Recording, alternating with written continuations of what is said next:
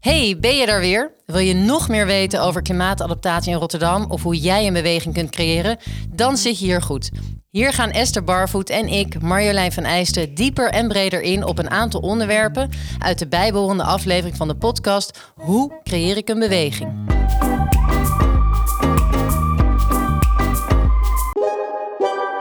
Ha, die luisteraar, welkom terug. In deze extra bonus praten we door met organisatieactivist Jaap Peters. Hij schetst onder andere de rol van de tussenwerkers, de mensen tussen de systeemwereld en de leefwereld. Wie zijn dat en wat hebben ze nodig om hun werk goed te doen? Ook vertelt Jaap wat maakte dat hij zelf uit het systeem stapte en organisatieactivist werd. We vroegen hem wat er zou gebeuren als we allemaal tegelijk de illusieproductie, zoals hij dat noemt, van een organisatie laten varen. En tot slot geeft Jaap advies aan jonge mensen. Hey Jaap, uh, fijn. We kunnen in deze bonus even wat langer doorpraten over alle interessante ideeën en uh, concepten die jij net opgeworpen hebt in, in de aflevering 4. Um, Laten we nog eens doorpraten over hoe de beweging, de rebelse beweging, zich kan verhouden tot het systeem van de gemeente. Welk gedoe denk jij dat dat zou kunnen opleveren? Um, nou, ergens moet het aansluiting vinden. Hè? Ik, ik teken de een maar even als een soort systeemwereld en de ander als een leefwereld. En die ontmoeten elkaar eh, ergens. Ehm, in mijn boeken noem ik dat tussenwerkers. Hè, die, dus waar ze elkaar ontmoeten zitten tussenwerkers. Ja, en eigenlijk moet die, Oh, die ja. en die tussenwerkers, dus de levende systeemwereld, die kunnen alleen maar goed functioneren als ze mandaat hebben. Mhm. Dus als die de hele tijd terug moeten naar eh, ja maar en dit en dat en daar ga ik niet over en daar ben ik niet van.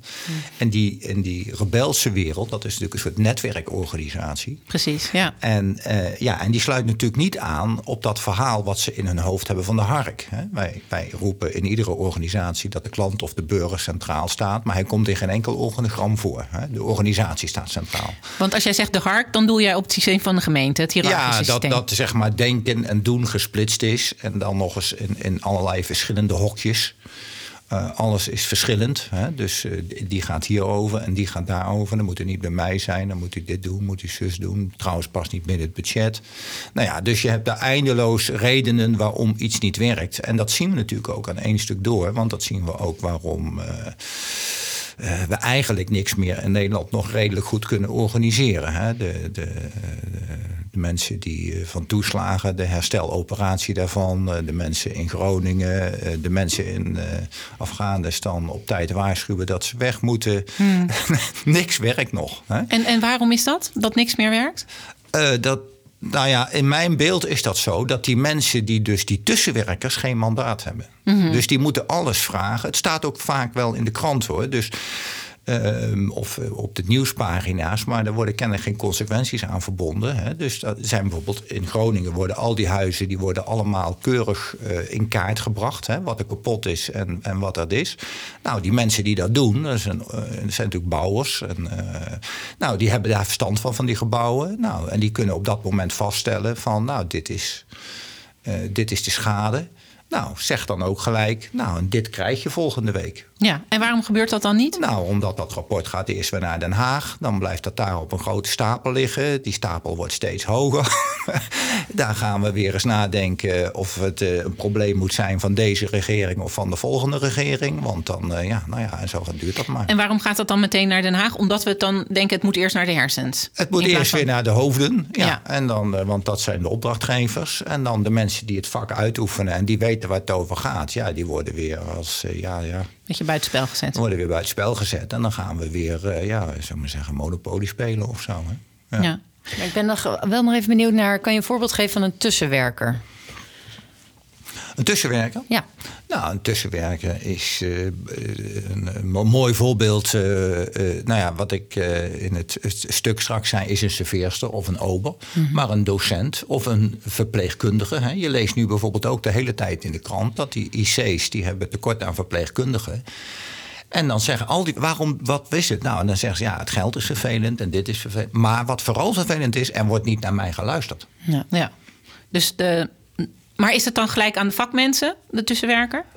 Uh, negen, van, ja, negen van de tien keer zijn dat natuurlijk de mensen die ook het vak uitoefenen. Hè? Dus je zou kunnen zeggen, de mensen die over de missie gaan van een organisatie. En de mensen die niet over de missie gaan van de organisatie, die delen de lakens uit. Ja, dat is natuurlijk een hele vreemde zaak. Maar waarom noem je ze dan tussenwerker? Tussen Omdat wat? ze tussen de leefwereld en de systeemwereld in moeten, ze, moeten ze combineren.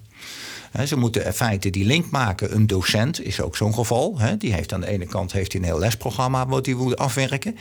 En aan de andere kant heeft hij die leerlingen. En dat lesprogramma dat staat al helemaal vast. Een jaar van tevoren wat hij doet. Terwijl hij nog niet eens een leerling gezien heeft. Ja, Dus dat past natuurlijk niet. Nou, op het moment dat hij dan daar niet mandaat heeft om iets aan dat lesprogramma te doen, ja, dan, uh, dan wordt hij heel. Uh, uh, ja, dan, dan voelt dat niet lekker en dan krijg je overspannenheid. En en als hij daarbij ook verder geen steun voelt van zijn eigen organisatie, ja, dan in mijn beleving, dat is ook de aard waarom PTSS ontwikkeld wordt. Omdat mensen in de voorste linie wel van doen hebben met de realiteit, maar mhm. door hun ondersteunende diensten niet worden ondersteund. vergelijk het nog maar even met een ander. De wegenwacht. De wegenwacht die wil jou van de weg afhelpen op het moment. Nou, stel dat hij die auto niet kan repareren en hij gaat bellen met, uh, in dit geval Den Haag, van jongens, er moet een takelauto komen want die auto moet weg. En ik breng die mensen wel even zelf naar het station in Woerden, naar de trein, dan kunnen ze weg. Ja, en die takelauto komt alsmaar niet.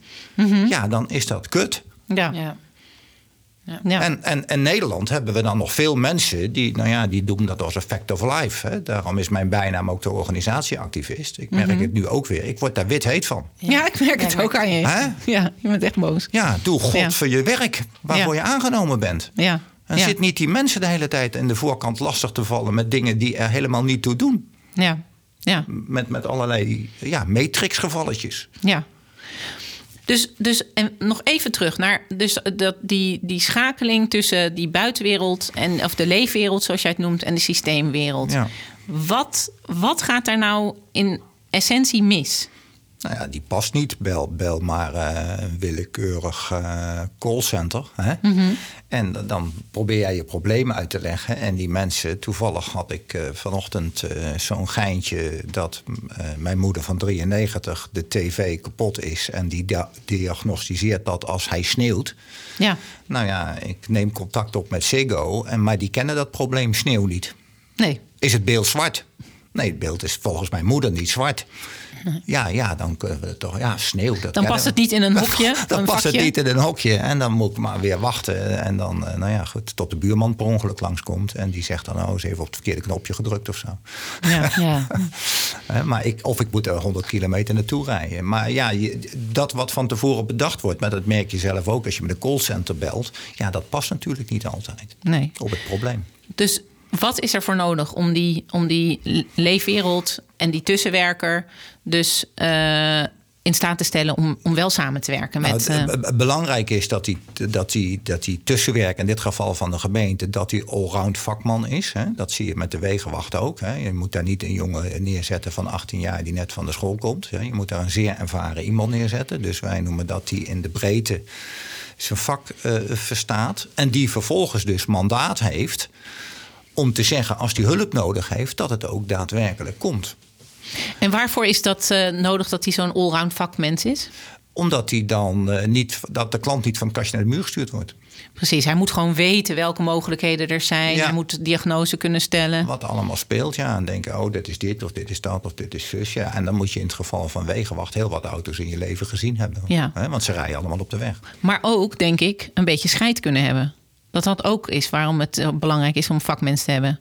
Die zoveel ervaring heeft dat hij dus inderdaad die organisatie gaat zien als uh, hulpmiddel, als tool in plaats ja, van. Hij moet, hij moet, hij moet, uh, ja, nou ja, ik noem dat dan maar voor de gein. Uh, hij moet zich niet gedragen als een human resource. Nee. hij moet zich gedragen als iemand die de missie wil namaken. Hè?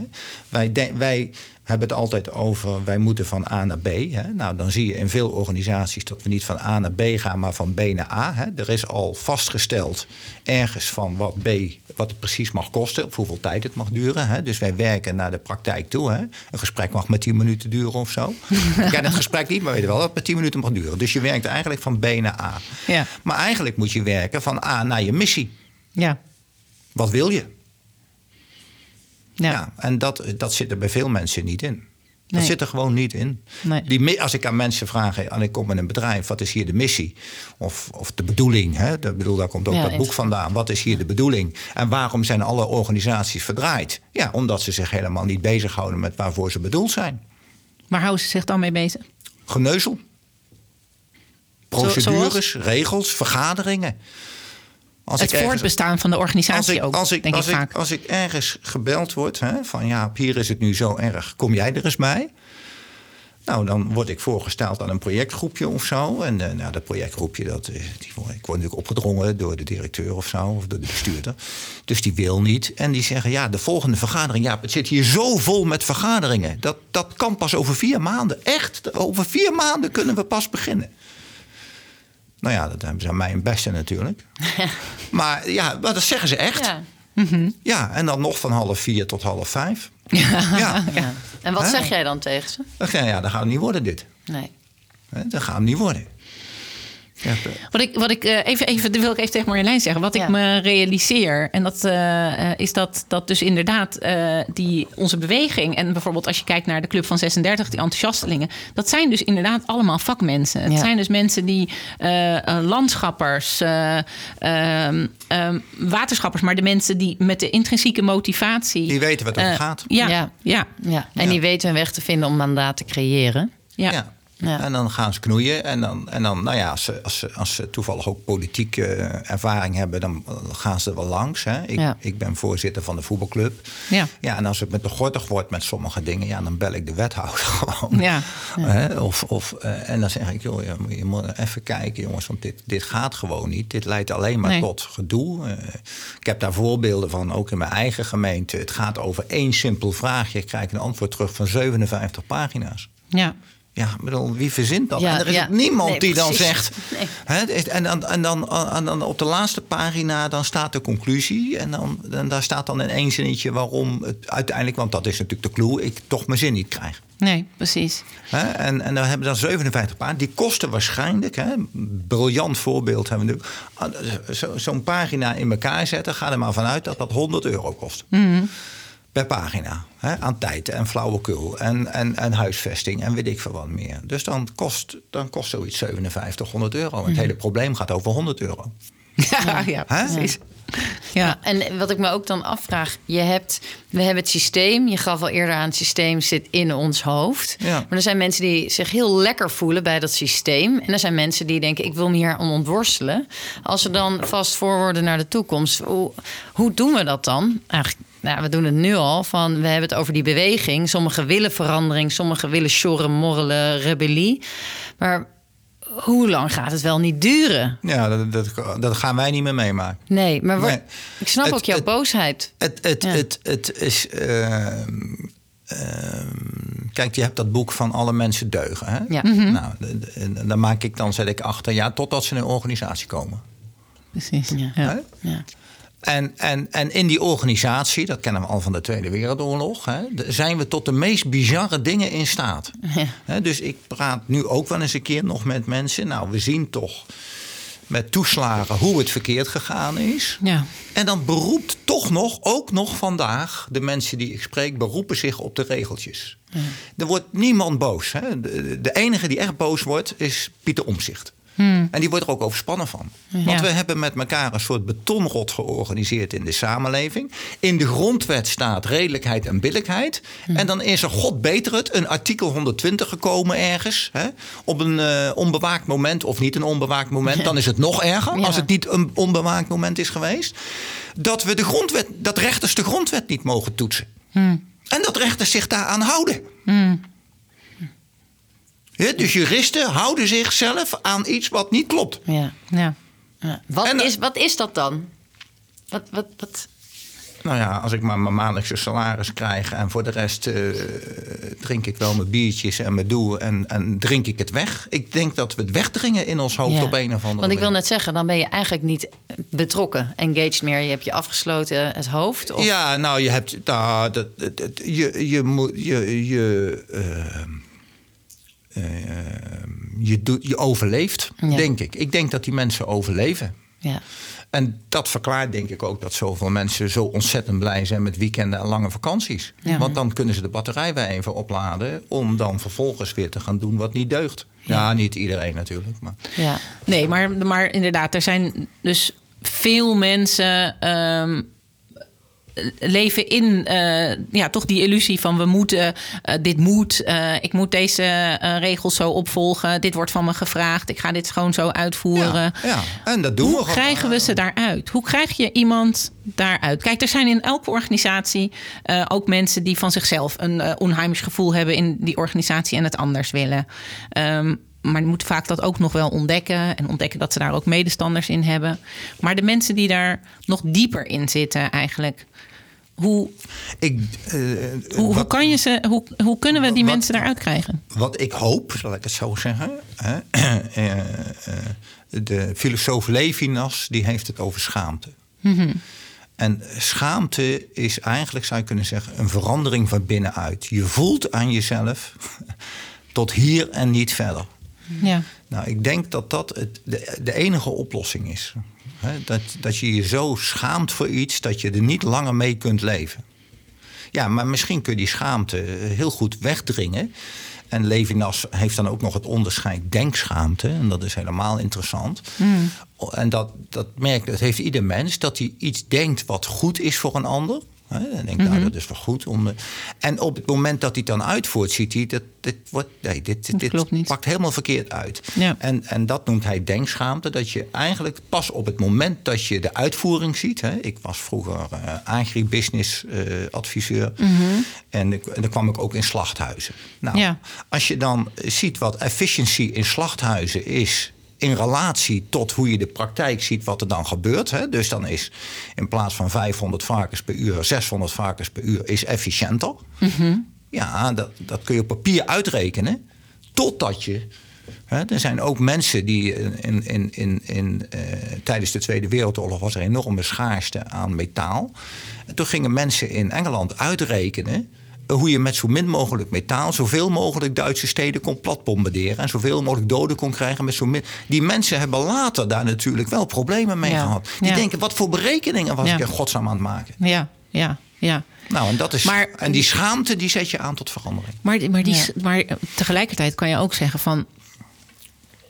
Zou die schaamte er niet al lang moeten zijn? Ik bedoel, we, hebben, we zitten nu in zo'n eh, situatie... wat jij daar, straks ook nee, waar je aan refereerde. We hebben de toeslagenaffaire gehad. We hebben inderdaad Afghanistan gehad. We hebben, de, we hebben ehm, Groningen, wat, eh, eh, waar continu heel veel mensen heel, zich heel ongelukkig en onveilig voelen. We hebben klimaatverandering, wat maar groter en groter wordt. Ja. Wanneer gaat die schaamte komen? Ik denk dat die bij eh, die rebellie zit waar we het hier over hebben. Dus de- ik denk die vakinhoudelijke mensen, die hebben dat eerder in de smiezen dan die mensen.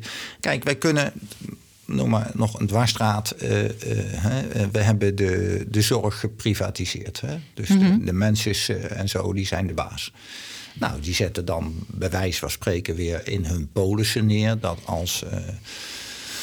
Mijn moeder nog maar even te pakken, eh, fysiotherapie nodig heeft, dat dat in principe maar tot zeven beurten beperkt is. Ja. Nou, dan zitten er ergens eh, mensen die kunnen dus zeggen, in Den Haag kunnen ze zeggen, nou, we hebben de zorgkosten onder controle. Mensen kan zeggen, nou, we hebben eh, winst gemaakt dit jaar. En de fysiotherapeut kan zeggen, we hebben zeven beurten gegeven. Dus ze kunnen drie keer een vinkje zetten. Hoe het met mijn moeder is, weet niemand. Ja.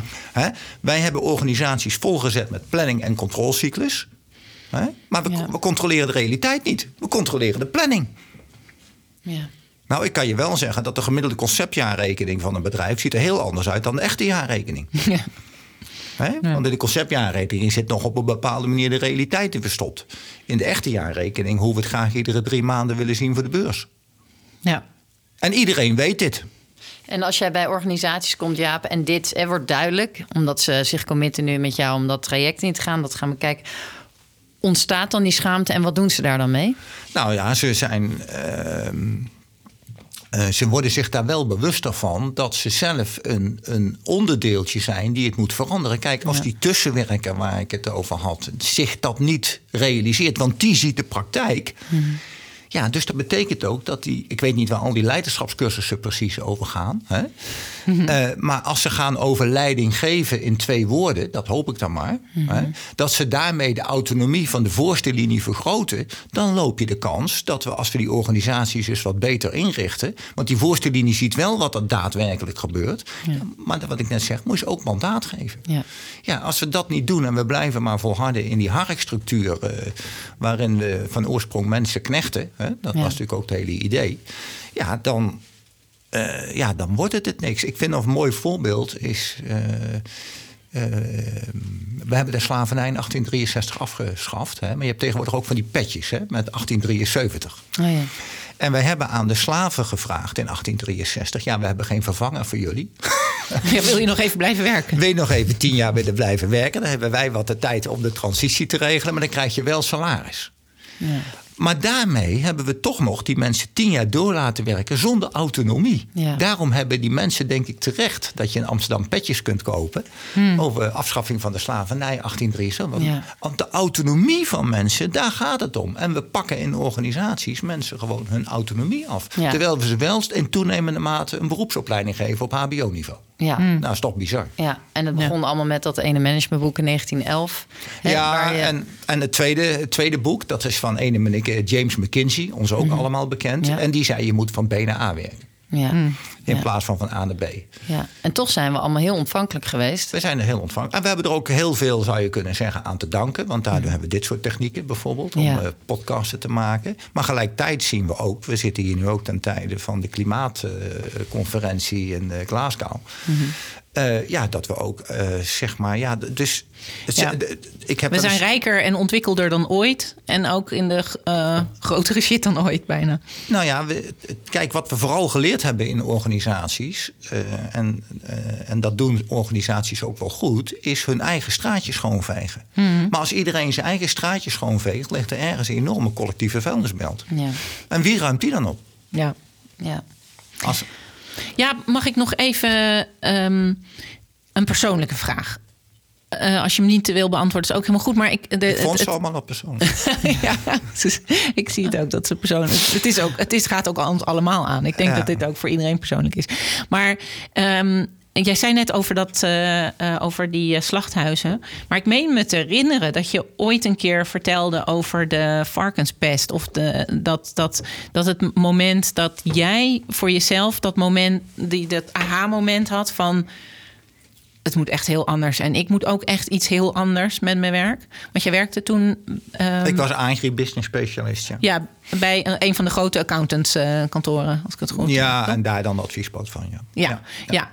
En, je, en jij, ik, herinner me dat je vertelde dat je, dat je daar dus stond bij de eh, varkenspest. Ja. met die, dat die grijpers die varkens eh, in die grote bakken eh dumpten, lieten vallen. Ja, dat, dat- had jouw aha-moment. Dat was de zogenaamd preventief ruimen van varkens in eh 97. Hè? Wat we nu toevallig gisteren was het ook op de krant of, de- of in het journaal met eh, vogels. eh. Ja. Ja, dat is wat we dan ook steeds doen om economische redenen. Hè? Allemaal heel begrijpelijk, want dat is natuurlijk het fantastische van de mens. Wij kunnen steeds een, een redenen organiseren om tot op zekere hoogte de meest verschrikkelijke dingen te doen. ja. En dat was voor jou zo'n moment dat je dacht... Nee, tot Dit is- hier en niet verder. En Ja. toen hebben we inderdaad met een clubje rebellie, hè, Ja. om het maar even zo te noemen, hebben eh, wat toen het Milieukeurvarken heette, hebben we eens gekeken, kunnen we dat niet toch met elkaar heel anders doen? En dat was een groep van slagers, van varkenshouders, van slachterijen.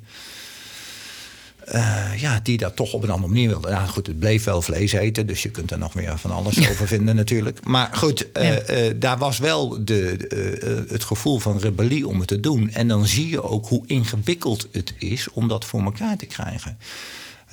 Want dat betekent dus dat zo'n varken moet gelabeld worden. Die moet bij de, de keurslagen moet die herkenbaar zijn als dit is een varken waar, zullen we zeggen... Ja. Eh, nou, dan moet die consument moet daar nog voor willen betalen.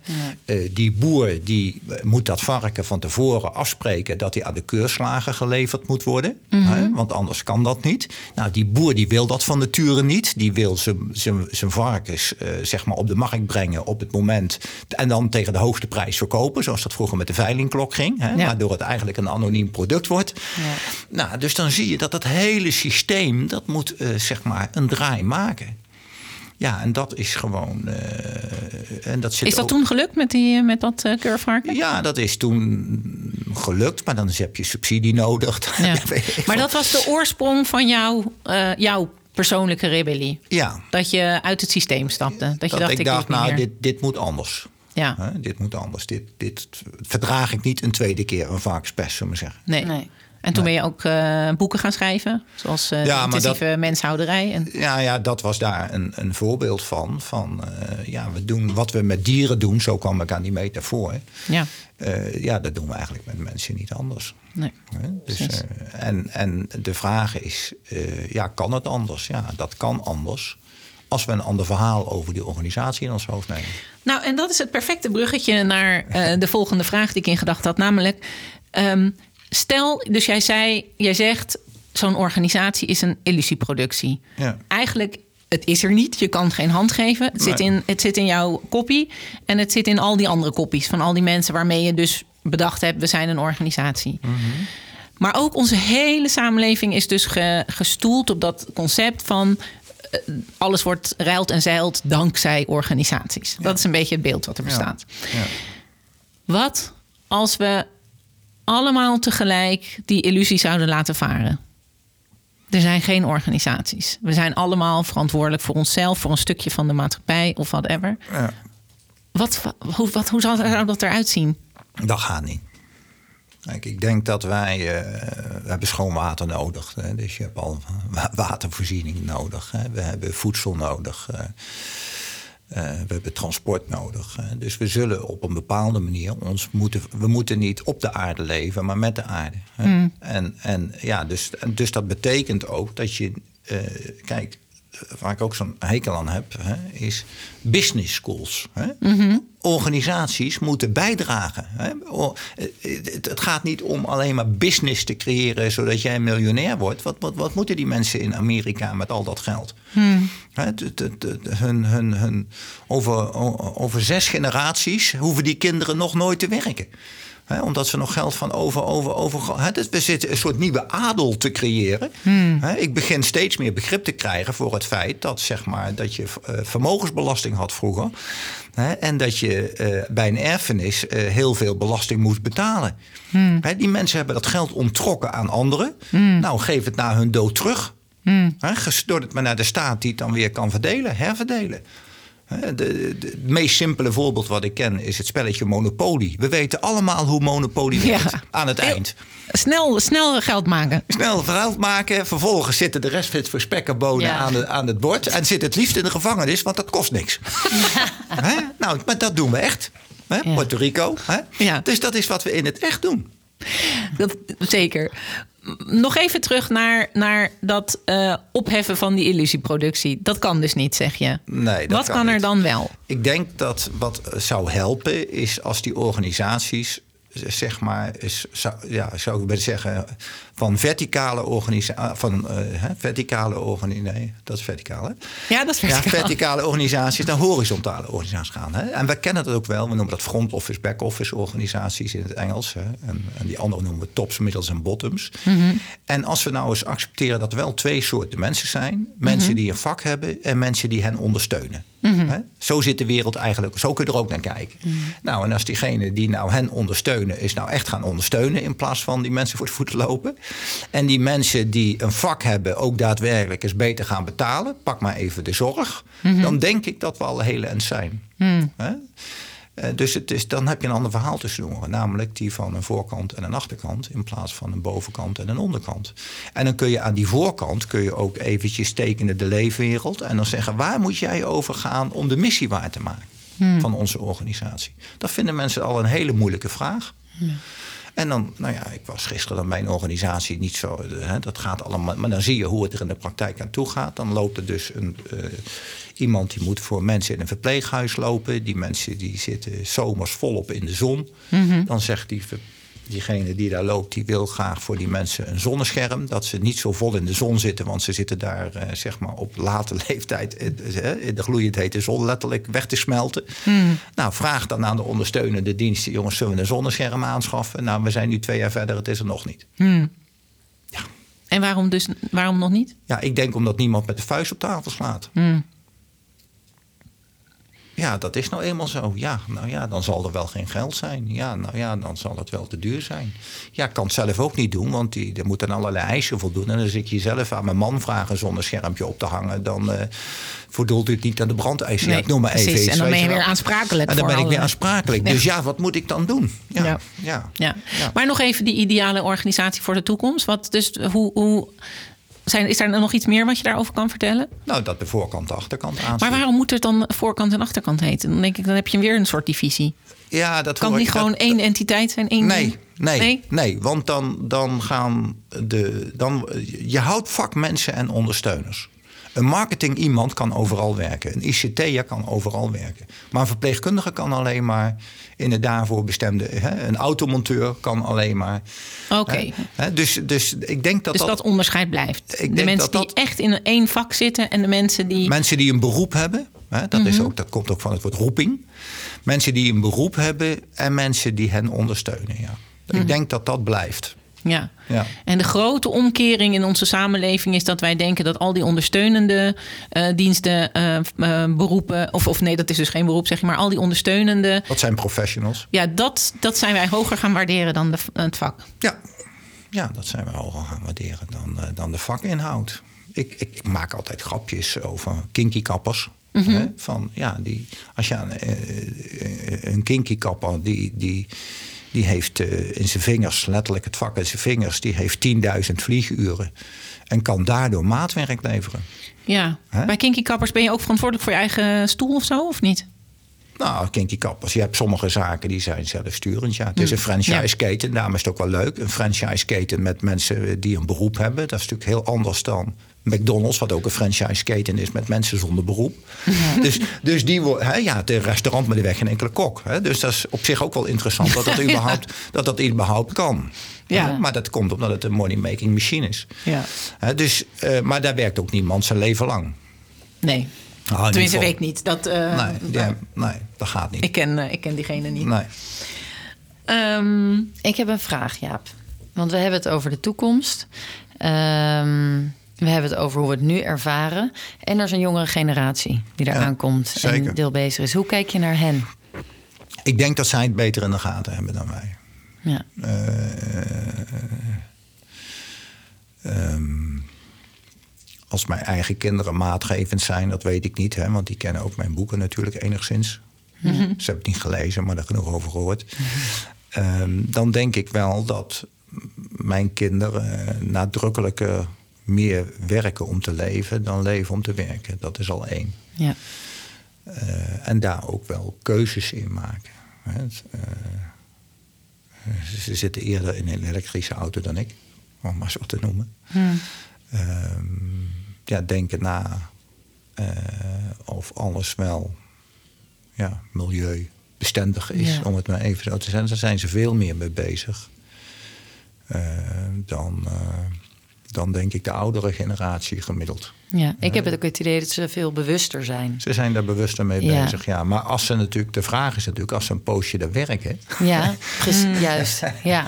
ja. eh, of ze zich toch niet weer heel makkelijk laten aanpassen. Want die, die, die, de Rotterdam School of Business, eh, die, eh, ja, dat blijft ook gewoon doorgaan. Dus het idee van business en. eh, nou ja, al die bullshit van eh, wat we op al die commerciële zenders de hele tijd over ons heen gestort krijgen.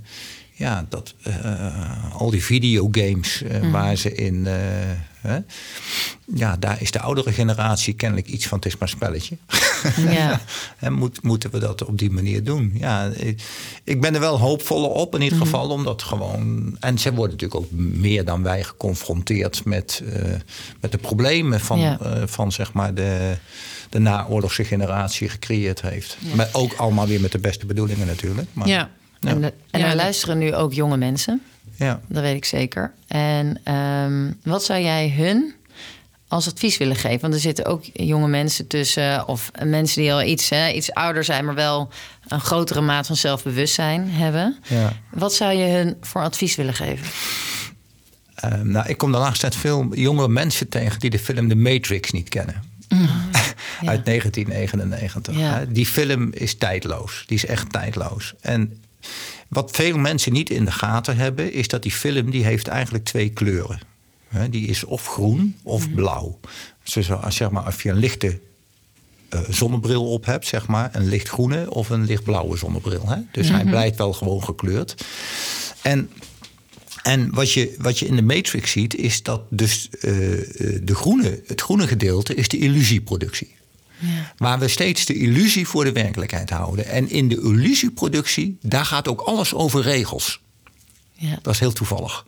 En wat men gedaan heeft in die Matrix, dan heeft men de tijd stilgezet. Want als je de tijd stilzet, dan is regel is regel waar. Dan hoef je je nooit aan te passen aan de context. Hè? Want doordat we in de tijd leven, verandert er wel eens wat. Ja. Nou, in die film kun je de rode pil nemen. En dan kom je in de echte wereld. En ik zou die, de meeste mensen willen. Kijk in ieder geval die film even. Dat je een beetje begrijpt in wat voor werelden wij iedere dag. Want we doen en-en. Hè? Het is, soms werken we acht uur in de Matrix. En dan gaan we daarna weer de echte wereld in. Ja. En voordat je het weet, zit je weer bij Basic Fit. Zit je ook weer in de Matrix, zou ik maar zeggen. Ja. En, eh, dus eh, de apparatuur heet zelfs de Matrix. Hè? En dat soort eh, organisaties. Ehm, ja, en ik denk dat dat bewustzijn daarover wel van belang, belang is. En deel 2 van de Matrix is ook heel interessant. Die heet de Matrix Reloaded. De Matrix geeft niet op. Nee. De Matrix geeft niet op. Die blijft alsmaar tegen jou roepen. Er is een system. Die wil jou beheersen. Die wil jou onder controle krijgen. Dat hebben onze, met alle respect, onze wappies erg, ergens ook in de gaten. Alleen die denken een beetje ten onrechte dat het in het, eh, dat het in dit vaccin zit. Eh, dus Ja. da- dat, is, dat, is, dat is natuurlijk niet waar. Nee. Maar er is altijd een systeem. Maar dat is niet per definitie de staat of de overheid. Dat is ook je, je, bedrijf waar je werkt. Ja. Er is altijd een systeem wat op een of andere manier controle over je uitoefent. Is het niet gewoon eh, het he- hele kapitalistische systeem wat we verzonnen met elkaar? Is dat nee, niet, het eh, communisme, deed het nog, het communisme deed het nog, het doet het nog erger. Nou, dat is ook zo. Nou, dit doet het nog erger. hè. En zou het dan, want eh, je noemde het woord harkje al. Ehm jaren geleden vertelde iemand ook van ja, je hebt de harkjes, maar dat gaat veranderen naar netwerk, hè? dus punten. Ja. Hoe kijk jij ernaar? Ja, nou wat ik net zei, dat, dat klopt wel, denk Mhm. ik. Maar in, in, die, in die punten blijf je toch nog het onderscheid houden tussen mensen met een, met een vak Ja, en ja. mensen die hen ondersteunen. Ja. En dat maakt die netwerkorganisaties dat ze toch harkerig weer worden. Omdat we dan toch weer een boven en onder krijgen in plaats van een voor- en een achterkant. Dus ik denk dat die netwerken, die kloppen wel. Mhm. Ehm, maar binnen die netwerken heb je toch weer organisatieachtige dingetjes. Ja. En dat gaat toch weer Soms volgens- zou ik zeggen, niet altijd. Ik denk dat je ook eh, als ZZP'er herken ik wel dat je met andere ZZP'ers echt fantastisch kan werken. Omdat je elkaar gewoon Ja, maar je als eh, geen- gelijkwaardig ziet. Maar soms dan kom je ineens iemand tegen die ook ZZP'er is, maar die toch een hiërarchie in zijn hoofd heeft. Ja, Ik- maar ik als, doe- jij, als, jij met, als jij als ZZP'er nu een ziekenhuis wil starten, dat kan niet. Nee, oké. Dus je moet dan, Ja. Ook al zijn het allemaal ZZP'ers, dan nog moet je in dat ziekenhuis, of je wil een autobedrijf beginnen, of je, hè, dat maakt Mhm. niet uit, je start helemaal opnieuw met eh, een Tesla. Ja, dan moet er toch weer een structuur komen. Want al die ZZP'ers samen zijn wel een netwerk, maar Maar dat is die, nog geen werkvorm. die, kunnen, nee, die hebben nog geen werkvorm. Nee. Die, die, die, eh, ja. ja, die voelen zich vrijer, dat wel. Maar of ze vrijer zijn, dat eh, kun je, ja. Hè, ze, ze hebben zichzelf beschermd. Hè? Nou, of eh, vrij op, eh, op een bepaald vlak. Ik vind bijvoorbeeld zelf als ZZP'er, weet je, in een organisatie... wat ik heel moeilijk vond, is dat mensen dan bepalen... of je rij bent voor een volgende stap. Of Ja. dat je rij bent voor een bepaalde training of zo. Ja. En dat is natuurlijk als, eh, als ZZP'er... eh, Ja, als je er zin in hebt, dan ben je er rijp voor. Ja. En, eh, en, en, en dat je dus daardoor... Nou ja, dat is een van de voordelen van ZZP-schap... maar dat je dus een ontwikkeling kan doormaken... die binnen een organisatie verdraaid moeilijk voor elkaar te krijgen is. Ja. Omdat daar andere mensen bepalen wanneer je aan zet bent. En is het dan, want ik heb zelf, ik herken heel erg wat je zegt, een moeite met eh, een systeem dat anderen bepalen, het moeten, dat het eigenlijk niet je eigen keuze is. Betekent dat er dan in mijn hoofd dat ik minder onderdeel ben van het systeem? Of zit ik dan in een andere illusie? Mijn neiging zou zijn, als ik consistent ben, dat je in een andere illusie zit. Ja. Want we zijn natuurlijk allemaal afhankelijk van systemen. Ja. En, ja, En, en op het moment dat jij in een ziekenhuis terechtkomt, dan ben je ook blij dat het systeem eh, Ja. er is. En net als eh, fouten maken mag, Ja, dank je de koekoek. Dat mag natuurlijk niet. Hè. Ga ze even een open, hartje, open hartoperatie ondergaan. En uh, nou, je bent overleden. En ze zeggen tegen, nou nee, maar fouten maken mag. We hebben er veel van geleerd hoor. Ja, dank je de koekoek. Zo werkt dat met mensen in de voorste linie niet, snap je? Nee, nee. Die achterste linie, ja, dat wel. Want voor hun is de wereld uh, tussen, tussen aanhalingstekens één groot speelgoed. Ja. Nou ja, maar ook omdat juist uh, bij die achterlinie, die, bij die ondersteuners is dat fouten maken mag juist hartstikke belangrijk. Omdat ze anders gaan vasthouden aan allemaal patronen en regels. Dus juist daar is die rek moeilijk, uh, nodig. Nou, ja, nou ja, die hebben het ook meestal over de rek. Maar er is natuurlijk geen enkele verpleegkundige die zegt fouten maken mag. Er is geen enkele arts die jouw tandarts ook niet. En jij zou het ook niet accepteren hè, als, als, het, als, als, als dat zo is. Hè. Ja. Dus, um, ja, dus ik denk dat. Uh, ja, dat. Ja, nou, ik, ik, ik, denk dat we daar uh, ja, voorzichtig mee moeten zijn. Ja om dat te doen. Maar misschien toch nog wel belangrijk in het kader van hoe ontstaat vernieuwing. Er is een prachtig liedje van Stef Bos. En eh, die zegt: eh, De onderstroom die niemand ziet, bepaalt de richting op elk gebied. Mhm. En ik denk dat uh, zo, zoiets waar we hier in Rotterdam mee bezig zijn, dat is eigenlijk onderdeel van de onderstroom. Wat bedoel je? Bedoel je nu de rebellie? Ja, de rebellie. ja. Dat is een deel van de onderstroom. En die onderstroom die moet eigenlijk zijn weg vinden en oppassen dat het dan niet geformaliseerd wordt, want dan raakt het in de. dan komt het in een, in een harkachtige structuur ongetwijfeld terecht. En zolang het rebellie blijft, hebben ze hun toegevoegde waarde.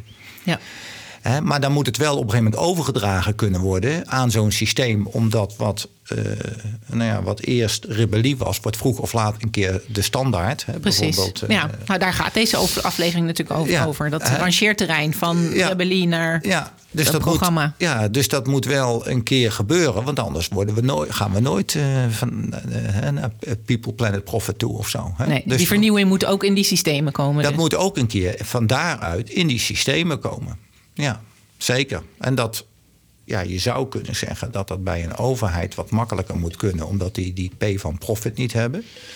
Ja, die hebben ze dan vervangen door begroting. Ja, precies. Die, die, is gewoon uh, erbij verzonden, toch ja. weer. En we, zijn, toch, hebben we toch een illusieproductie. Ja, ja. en anders uh, is er niet genoeg geld, moet er bezuinigd worden. Ja. Dat, soort dingen. Ja. Marjolein, heb jij nog vragen? Ja, ik heb de laatste vraag. Want ik, ik wij voelen en zien jou hier helemaal... Uh, je zei het al, ja, elke vraag is voor mij persoonlijk... want het zit helemaal in jou. Um, de vraag is dan, die...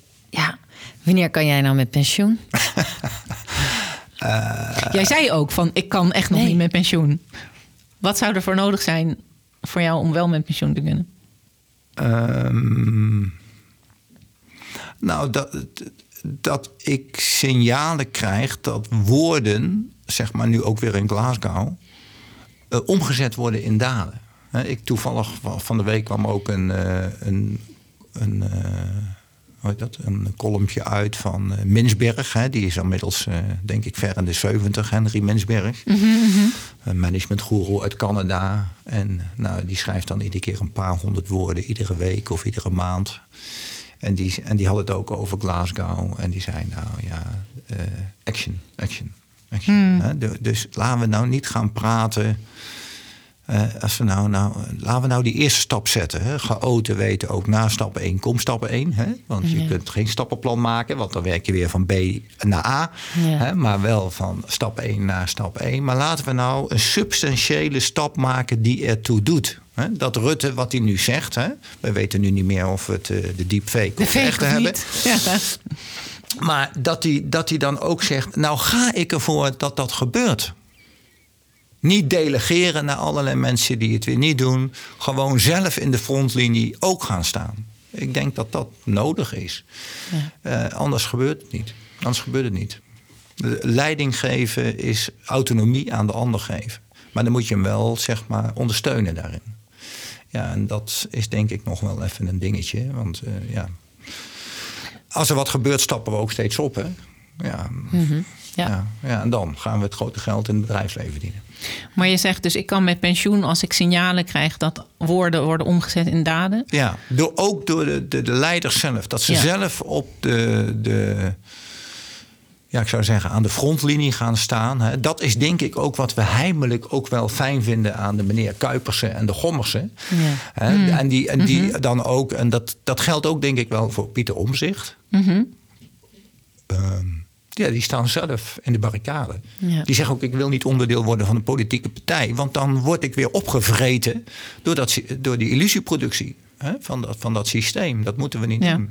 Ja, ik denk dat dat... eh, en daar is, ik denk Pieter, maar ook Gommers. En, dus we herkennen ze wel, hè? Maar jij legt die link met de corona-aanpak. Ja. Ehm, en die corona-aanpak van de Nederlandse overheid was toch heel assertief. En hebben toch veel eh, eh, neergezet, vind ik. Is dat een voorbeeld van hoe het zou kunnen met het klimaat? Ja, dan, dan gaat het even goed, zou ik maar zeggen. Ja. dan gaat het even goed. Ook het begrip intelligente lockdown was natuurlijk ook, denk ik, wel eh, briljant om dat te doen. Maar ik zie natuurlijk zelf ook als voorzitter van de voetbalvereniging. Hè, dan hebben we een kantine. En een kantine is nu horeca. Ja, hoe wij er bovenop moeten zitten. Dat mensen zich toch Ja. een beetje fatsoenlijk gedragen. Dus ja, daar heb je een rol in. En dat heb ik ook in dit geval als voorzitter. Ja, ik kan zeggen, ik heb een BOA aangesteld. Je bedoelt om mensen te controleren op een QR-code? Ja, wat, wat gebeurt er nou als heet ze, mevrouw Halsema zelf ook eens eventjes een, eh, eh, tegen een ondernemer zegt... joh, ik ga hier niet alleen voor de microfoon lopen brullen... maar ik ga het nu ook even zeggen tegen die horeca-ondernemer... waar ik vanavond ga eten, joh, dit kan helemaal niet wat jij hier doet. Ja. Ja, zo moeten we het voor elkaar krijgen, denk ik. En als Gewoon je realiseren wat zo'n regel in de ja, praktijk en betekent. als Dat je Hals- je en als Halsema, als Halsema het doet, dan, Ja. dan zullen andere ambtenaren ook denken... ja, ik zit hier vanavond wel te, eh, in, een, in een restaurant te eten. Ik word hier niet gecontroleerd. Ja, ik ben hier nu particulier, dus ik zeg daar niks van. Ik vind Oh, het bedoel prima. je? Snap je? Ja, dan, Ja. dan toon je leiderschap. Hè, dan hoef je niet voor een cursus. Dat is lef. Dat is lef. En dat kunnen we allemaal doen. Lef. Lef. Lef. Lef in plaats van leiderschap. Ja, nou, ingewikkelder is het niet. Nee. Want we, waarom. En, en dan is het wel dat Femke daar eh, een voorbeeld in moet geven. En dat zo'n ondernemer dan denkt: ja, verrek, als de burgemeester het tegen mij zegt, dan is het toch anders dan dat ik een boa op mijn dak krijg. En dan verder geen domme dingen roepen natuurlijk. Wat nu met die voetbaltoestand allemaal gaande is. Nog strenger aanpakken, nog strenger aanpakken.